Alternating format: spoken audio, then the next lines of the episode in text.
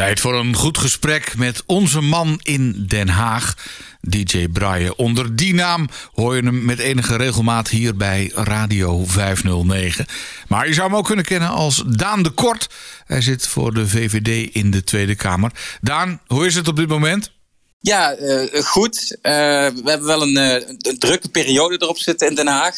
dus ik ben wel toe aan de zomer. Hey, maar Daan, met een demissionair kabinet kun je het op dit moment toch wel een beetje rustig aandoen daar in, in Den Haag? Nou, het kabinet is demissionair. De Kamer blijft missionair. Okay. Alleen er komen natuurlijk nieuwe verkiezingen aan in november. Dus het breekt wel een spannende tijd uh, breekt er wel aan. Daar nou heb jij je de afgelopen tijd in de Kamer behoorlijk ingezet voor mensen die net als jij wat minder zien. Je wil een speciaal loket voor hulpmiddelen voor mensen met een visuele beperking. Hoe zit het precies? Ja, die wet is gelukkig nog eh, net op tijd aangenomen. Uh, dus daar ben ik heel blij mee. De, uh, de Kamer heeft in meerderheid, unaniem zelfs als ik het goed onthouden heb, voor het loket gestemd. En dat houdt in dat er één punt komt waar blinden en slechtzienden terecht kunnen. Uh, in plaats van dat ze bij hun eigen gemeente moeten zijn om hulpmiddelen aan te vragen, jobcoach, begeleiding. Uh, nou, heel belangrijk, want ik denk dat ja, daardoor de stap naar werk dichterbij komt. En dat voor blinden en slechtzienden makkelijker wordt om die stap naar werk te maken, om de juiste hulpmiddelen ook op tijd te krijgen. Uh, dus ik ben heel blij dat dat loket er gaat komen. En dat we dat nog in ieder geval met de Kamer hebben kunnen regelen. Maar laten we eerlijk zijn, dat is een wet of eigenlijk een maatregel waar je toch gewoon niet tegen kunt zijn. Uh, nou, ja, kijk, iedereen is er natuurlijk voor om uh, mensen te helpen. En uh, ervoor te zorgen dat ze ook nou ja, een, een, een, dromen kunnen waarmaken. Alleen, er vond wel discussie plaats of je dat nu moet doen op één loket of bij de gemeente moet laten. Nou, het punt wat ik met name maakte.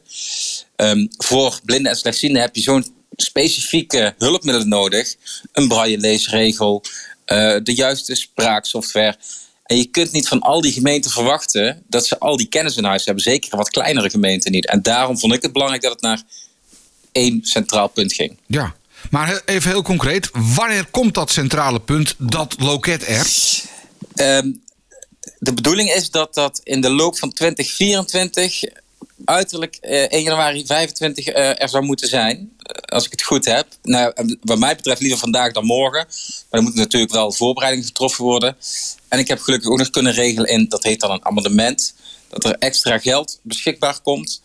Nou ja, zodat we dit zo snel mogelijk in gang kunnen zetten. En wie gaat dat servicepunt of ja, loket bemensen?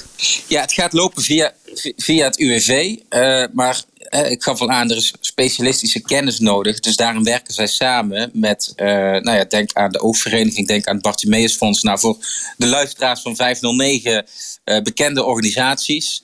En juist die kennis die ze hebben, uh, belangrijk dat die allemaal wordt samengebracht onder die vlag van het UWV. En de arbeidsdeelname is onder blinden en slechtzienden helaas het laagst van allemaal, uh, onder de 30 procent. Ja, terwijl er juist heel veel talenten liggen onder, onder onze doelgroep. Um, en die moeten we gaan benutten. En nou, dit gaat hier aan bijdragen. Maar voorlopig nog zeker anderhalf jaar wachten. Ja, nou ja, uh, het is niet dat er niks. Je kunt gewoon nog steeds bij je gemeente terecht. Uh, maar uh, het moet wel beter worden. En nou, dat wacht nog even op zich.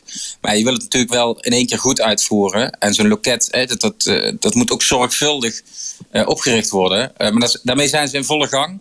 En uh, nou ja, hoe eerder het klaar is, hoe beter. Maar even heel concreet, wordt dat dan bijvoorbeeld gewoon een gebouwtje ergens in het midden van het land? Ik stel me voor in de buurt van uh, station Utrecht, omdat uh, ja, onze doelgroep reist toch vooral met de trein. Echt ja. gewoon een heel toegankelijk kantoor waar je ook terecht kunt, waar echte mensen zitten, waar je gewoon aan kan bellen en kan zeggen: Nou, dit is mijn probleem en dat en dat denk ik nodig te hebben. En dan pakken ze het uit het magazijn en je gaat geholpen terug naar huis. Ah, ik, ik, denk nog beter zelfs. Kijk, het UWV zit in het hele land. Hè? Dus je kunt in je eigen regio terecht. Nou, over het algemeen zit het UWV dan in de, uh, de centrumgemeente, dus de, grote stad. Daar kun je naartoe, daar kun je je melden. En dan, dan word je meteen in contact gebracht met de juiste persoon. En die zorgt er inderdaad voor dat je het juiste hulpmiddel krijgt. Dat je uh, ook vervoer voor je geregeld wordt. Dat je begeleiding krijgt. Uh, dus uh, het is niet zo dat je vanuit Groningen per se naar Utrecht moet. Uh, maar het kan dus ook bij jou in de buurt. Maar wel met de juiste kennis in huis en de juiste hulpmiddelen en begeleiding. Nou is het wel zo ongeveer algemeen bekend dat als je iets met het UWV wil, dan heb je een enorm uithoudingsvermogen nodig. Want ja, de stroperigheid is daar uitgevonden. Van die bureaucratie willen we juist af. Want uh, nou ja, organisaties zoals die moesten voorheen schakelen met, met 342 gemeenten die we hebben. Ja, daar willen we, daar willen we allemaal veel concreter en minder bureaucratisch maken. Uh, en ik heb ook aandacht voor gevraagd, want ik stoor me bijvoorbeeld ook aan dat die hulpmiddelen niet op voorraad waren. Dat ook, had ook vaak met bureaucratie te maken. Nou, dat we daar alvast geld voor vrijmaken en zorgen dat je nou ja, op tijd gewoon je, je braille leesregel bijvoorbeeld kan ontvangen. Maar nu ben jij van de politieke partij die toch ook heel erg voor ondernemen is. Had je dit nou niet gewoon met een ondernemer kunnen organiseren? Gewoon iemand die dat even, even als een ondernemer uitrolt. Goed idee, dat gaan we doen. Volgende week is het er. Punt, klaar. Dat zijn ondernemers. Hè? Dat is niet, uh, we gaan nog anderhalf jaar praten. Nee, zeker. Hoe sneller, hoe beter. En ik, ik hou ook van die ondernemende aanpak. Daar heb ik in het debat wel aandacht overigens uh, voor gevraagd. UWV kan snel handelen. Uh, kijk maar bijvoorbeeld in coronatijd, hè, hebben ze in een mum van tijd allerlei regelingen opgepakt. Dus ook een voorbeeld wat ik vaker in de Kamer heb genoemd. En wat mij betreft gaan we voor die ondernemende mentaliteit. Uh, nou ja, en het belangrijkste is nu dat die wet is aangenomen nog vlak voor het kabinet gevallen is. Want anders hadden we nog langer moeten wachten. Ja, maar de coronapandemie ligt inmiddels achter ons. Dus de noodzaak om echt door te pakken uh, is er niet meer. Dus ik denk dat ze bij het eh, UWV weer teruggeschakeld zijn naar de eerste versnelling. Het zijn per slotverrekening beroepsbureaucraten zonder ondernemersmentaliteit. Ja, dat ben ik niet helemaal met je eens. Kijk, het UWV loopt achter als het gaat om het gebrek aan keuringsartsen. Nou, daar zijn allemaal noodmaatregelen voor getroffen. Maar dit kan juist sneller, want je hebt hier ook wel weer andere mensen voor eh, nodig dan nu al bij het UWV zitten. Dus je kunt hier echt een nieuw team wat sneller kan schakelen, wat flexibel kan zijn, inzetten. En ja, ik hou natuurlijk wel uh, in de Kamer de vinger aan het pols uh, of we het niet kunnen vervroegen uh, of, en hoe de ontwikkelingen daar lopen. Ja, ik vind het een nobel streven, Daan. Maar ik moet het wel eerst zien voordat ik het geloof. Eh, binnen anderhalf jaar één loket binnen het UWV... waar je terecht kunt voor hulpmiddelen en expertise. En dan kun je als visueel beperkte snel aan de slag. Ja, en uh, wat ik zeg, hoe eerder hoe beter. En liever vandaag dan morgen. En daar uh, zal ik ook streng op toezien. Want als Kamerlid controleer ik de regering en ook dat ze de vaart erin houden. Ja. Nou heb ik zelf als ondernemer wat ervaring met overheidsorganisaties en semi-overheidsorganisaties. En de snelheid waarmee zij handelen doorgaans. Dus ja, het klinkt mij allemaal een beetje te mooi voor woorden. Nou goed, je hebt nog een project waar je druk mee bezig bent. Het meldpunt digitale toegankelijkheid. Hoe is het daarmee? Ja, dat is ook, heeft ook het afgelopen politieke jaar eh, plaatsgevonden. Nou, kijk, de digitale toegankelijkheid die is nog lang niet op orde. Nou, en zeker als uh, mensen met een visuele beperking, die merken dat vaak als eerste. Um, terwijl onze samenleving wordt steeds digitaler. He, denk aan het doen van je belastingaangifte, het maken van een afspraak bij je gemeente.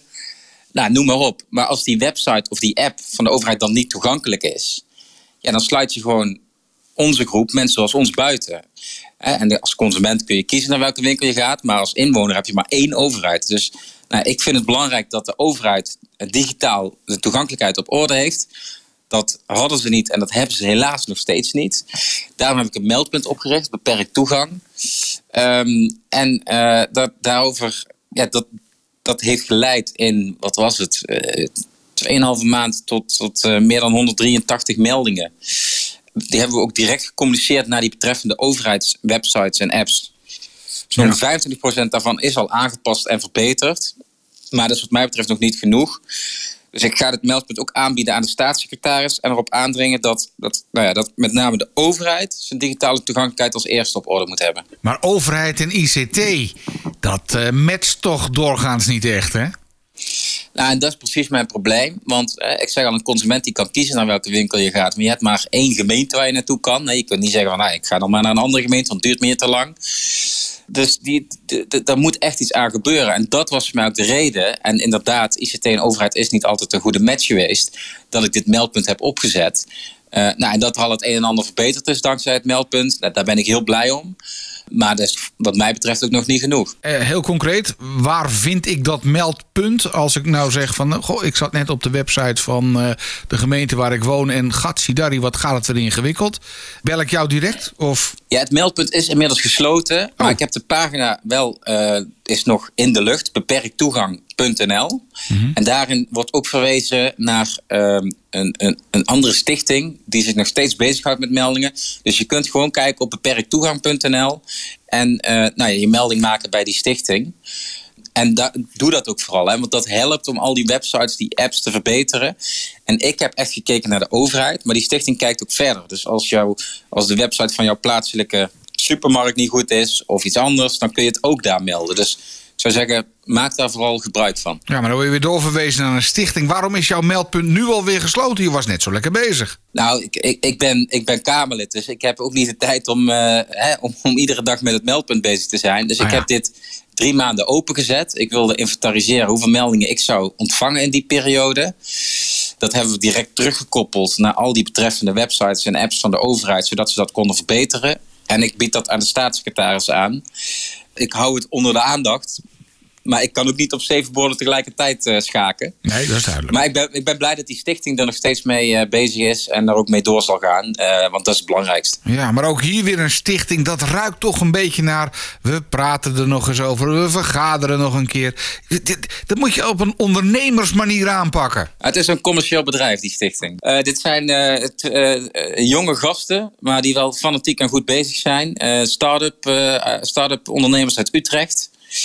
Uh, ze zitten nu in een vierde jaar, vijfde jaar. Uh, maar die hebben echt al veel op het gebied van toegankelijkheid verbeterd en, en voor elkaar gebokst. Dus ik heb wel uh, respect voor deze jonge ondernemers. Oké, nou dan, dan, dan gaat het toch nog de goede kant op. Hè? Hey, toen ik je van de week eventjes via de WhatsApp sprak, toen zei je van ja, ik wil het toch ook nog even hebben over het VN-verdrag handicap. Wat is daar zo bijzonder aan? Nederland loopt achter. Hè? We denken altijd dat we het in Nederland heel goed doen op veel terreinen. En we hebben het ook goed voor elkaar. Maar dat VN-verdrag handicap, ja, dat hebben wij pas in 2016 uh, geratificeerd, zoals dat heet. Ja, en als ik dan kijk naar de toegankelijkheid van scholen, uh, andere openbare gebouwen, het openbaar vervoer, ja, dan moet er echt nog heel veel gebeuren in, uh, in Nederland.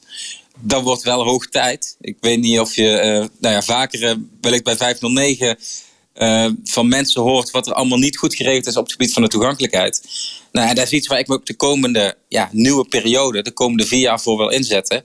En met name op, in het onderwijs en het openbaar vervoer. Want daar ligt wat mij betreft de topprioriteit. Want onderwijs is de manier om jezelf te ontwikkelen. En als jij met een beperking naar een MBO gaat, een hogeschool of een universiteit, ook het primair voortgezet onderwijs, en dat is niet toegankelijk. Ja, daar ligt ook de kans om straks voor jezelf om een baan te vinden, om je persoonlijk te ontwikkelen. En openbaar vervoer zijn mensen met een beperking vaak afhankelijk van. Ja, als dat niet op orde is, ja, dan ben je ook gewoon niet mobiel. En nou ja, daar zou ik me graag de komende jaren ook uh, op richten. Ja. Ja, het staat zo mooi beschreven hè, op, op de site van het VN-verdrag Handicap. Uh, overal aan meedoen. Maar zal ik je nou eens iets heel schokkends eh, zeggen, Daan? Weet nou. je dat de maatschappij gewoon niet zit te wachten op mensen met een beperking? Ik, ik weet niet of het zo erg is, maar de analyse die ik, uh, die ik zelf heb getrokken en die ik wellicht met je deel. Vanuit vroeger hadden we een verzorgingsstaat. En we hadden het met de beste intenties, maar ik denk dat het verkeerde effect heeft gehad werd alles maar speciaal voor jou geregeld. Dus je ging naar het speciaal onderwijs en je ging naar een speciaal werkbedrijf. En dat is allemaal juist niet inclusief, maar erg exclusief. En dus met de beste bedoelingen hadden we een dove instituut, een blinde instituut. Maar ja, als je wil meedoen, dan moet je juist inclusief zijn. Dan moet je in het reguliere onderwijs zitten. Dan moet je op de reguliere arbeidsmarkt zitten. Alleen wij hebben dat jarenlang, eh, decennia lang, uh, niet zo ingericht. Ja, maar die verzorgingsstaat die hadden we natuurlijk niet voor niks. Hè? Want uiteindelijk willen bedrijven alleen maar mensen aannemen die juist iets meer kunnen dan gemiddeld. In plaats van iemand die iets minder kan dan gemiddeld. Dus iemand met een beperking nemen ze gewoon liever niet. En zelfs de organisaties die zich hard maken voor mensen met een visuele of een andere beperking, die huren eerder iemand in zonder beperking dan iemand met een beperking. Ja, dat is belachelijk. Ja. ja, maar dat is wel de keiharde realiteit. Hè? Zelfs als iemand met een beperking het goedkoper doet en soms zelfs beter, dan nog wordt er gekozen voor iemand zonder een beperking, die vaak dan ook nog gewoon veel meer kost. Ja. Ja, maar dat is dus de realiteit. Hè. Alleen als bedrijven er de mooie sier mee kunnen maken... als ze iemand aannemen met een beperking... of als ze er een enorme bak subsidie mee binnen kunnen harken... ja, dan willen ze nog wel eens een keer iemand aannemen met een beperking. Maar anders... Nou ja, ja, volgens mij was die verzorgingsstaat dan nog niet zo gek, hoor. Ja, en daar stoor ik me ook gruwelijk aan. Hetzelfde geldt voor de overheid, hè als je kijkt naar de banenafspraak, en dat, dat punt heb ik vaak gemaakt hier in uh, debatten en ook moties voor ingediend. Ehm, je hebt de baanafspraken om mensen met een beperking aan te nemen. De overheid loopt achter. Het bedrijfsleven doet meer dan de overheid. Nou, als je als overheid al niet het goede voorbeeld zet, de hoge standaard neerzet, ja, dan kun je ook niet verwachten dat het bedrijfsleven dat wel doet. Dus ik heb ook eh, tegen minister Schouten in het debat gezegd van kunnen we niet een, een, een ranking, een soort van eredivisie-ranglijstje van de ministeries bijhouden wie nu de meeste mensen met een beperking aanneemt. En dat, wat mij betreft, bespreekt u dat ook iedere week in de ministerraad. Zodat het ook onder de aandacht komt eh, welke minister met zijn of haar ministerie het het beste doet en het slechtste doet. En eh, dus ik vind dat de overheid daarin voorop moet lopen, maar zeker ook een stichting of een organisatie uh, die pretendeert op te komen voor, en dat, dat doen ze ook, voor mensen met een beperking. Maar vervolgens dan wel de keuze laten vallen op iemand die geen beperking heeft. En we moeten niet in die labels, in die hokjes denken. Nee, je moet kijken vanuit de talenten van mensen. Ja. En, en, en dat wordt te weinig gedaan. Ik, ik geef zelf ook wel eens het voorbeeld: de beste IT-programmeur, ja, die heeft die heeft vaak autisme. Ja, de beste audiodeskundigen, die zien ook niet zoveel of helemaal niks. Nee, en als er dan een audiodeskundige nodig is bij een organisatie, nou dan nemen ze er liever niet eentje die toevallig niks ziet. En dat hebben we verschillende keren aan de lijve ondervonden hier bij Radio 509. En wat ik net tegen je zei, zelfs de organisaties die zeggen: uh, wij komen voor deze mensen op, hè, voor de visueel beperkten. Als we dan een audiospecialist nodig hebben, dan nemen ze er eentje die toevallig ook auto kan rijden en gewoon goed kan zien. Want iemand die dan wat minder kan zien, dat is iemand met een beperking, die nemen we niet. Ook als hij het voor de helft van het geld doet. En dit is echt waar, dat gebeurt aan de lopende band. Nou ja, ik, hier zijn we het helemaal over eens, Peter. Ik vind het ook te belachelijk voor woorden. En uh, nou ja, mocht je ooit nog organisatie, mocht je nog een keer organisatie tegenkomen waar dit weer gebeurt, geef me het nummer. Ik ga ook graag met ze in gesprek, want ja, dat kan gewoon niet. Ja, ik zal de telefoonnummers van deze bewuste organisaties even aan je appen. Uh, en een lijstje met uh, de juiste contactpersonen. Laten we dan tot slot nog even lekker roddelen over het uh, vertrek van Rutte. Want jij zat natuurlijk dicht bij het vuur en hebt natuurlijk de smeuïge details. Ja, ja dat is een, een groot staatsman die, nou, die zijn vertrek uit de politiek heeft aangekondigd. En dat was toch wel een verrassing. Een hele fijne man waar, ik, waar je veel van leert. Hè? Ook als je debatten van hem volgt of in een vergadering zit. En uh, nou ja, is nu... Nou zijn er boze tongen die beweren dat Rutte uiteindelijk gewoon weggestuurd is door het hoofdbestuur van de, van de VVD. Hè. Premier, record gevestigd, hartstikke mooi. Er zijn ook wat dingetjes wat minder goed gegaan. En, en op die bewuste vrijdag wist hij nog, eh, ik, wil, ik wil er nog wel vier jaar mee doorgaan. Maar ja, maandagochtend had hij zoiets van, eh, ik stop ermee. Dat kan toch geen toeval zijn? Ja, maar dat is de grootste nonsens. Kijk, die, die vraag wordt heel vaak aan Rutte gesteld. Geeft hij ook altijd hetzelfde antwoord. Uh, hij gaf ook aan dat hij er nog over na zou denken. Hè. Dus hij heeft niet gezegd van ik ga dat zeker doen. Hij zegt als je, als je het me nu zou vragen, dan ja, maar ik moet er nog over nadenken. Nou ja, en uh, hij heeft er dat weekend over nagedacht. Hij heeft ook toegelicht uh, hoe hij tot dat besluit is gekomen. En ja, na 13 jaar kunnen we hem alleen maar dankbaar zijn, volgens mij. En hij heeft ook niet altijd alles goed gedaan. Dat kan ook niet in zo'n baan. Dat geldt overigens ook voor jou en mij, hè, Peter.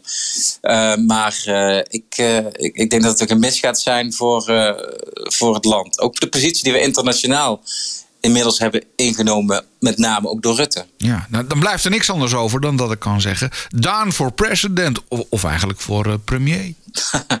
nou, ik ga me in ieder geval die primeur kan ik je vast geven, want dat heb ik nog niet gemeld. Ik ga me ook weer kandidaat stellen. Uh, dus uh, er komt een spannende tijd aan. En uh, ik, ik, ik, ben, ja, ik zit met heel veel enthousiasme in de Kamer. Kan mooie dingen doen, onder andere voor mensen met een beperking. Maar nou ja, voor iedereen. En ik wil daar graag mee doorgaan. dus ik, ik zal niet voor het premierschap gaan. Dylan Jezilgos is onze fantastische lijsttrekker. Maar ik wil heel graag door in, in de Tweede Kamer. Want ik ben eigenlijk pas net begonnen. Ik zit er nu 2,5 jaar. En ik wil er nog vier jaar aan, aan vastplakken. Maar laten we even eerlijk zijn, uh, Daan. Als de VVD nou echt de inclusie wil, uh, wil prediken, dan uh, schuiven ze jou naar voren natuurlijk. Nou ja, dan gaan we zien welke plek ik op de lijst ga krijgen. Maar de VVD doet veel op het gebied van inclusie. Ik, ik, heb daar afgelopen jaar ook hard voor geknokt. Ik ga er ook weer mijn best voor doen dat het ook weer mooi in het programma terugkomt. Vanuit de Kamer kun je juist heel veel voor inclusie, voor toegankelijkheid betekenen. Nou, dan laten we kijken hoe het uitpakt na de verkiezingen in november. Voor nu, dankjewel. Ja, Peter, eh, dankjewel. En uh, hopelijk tot de volgende keer. En Daan is binnenkort weer te horen met een nieuwe aflevering van Eye Opener in de app van Radio 509. Daan, nogmaals, dank. Hoi. Radio 509.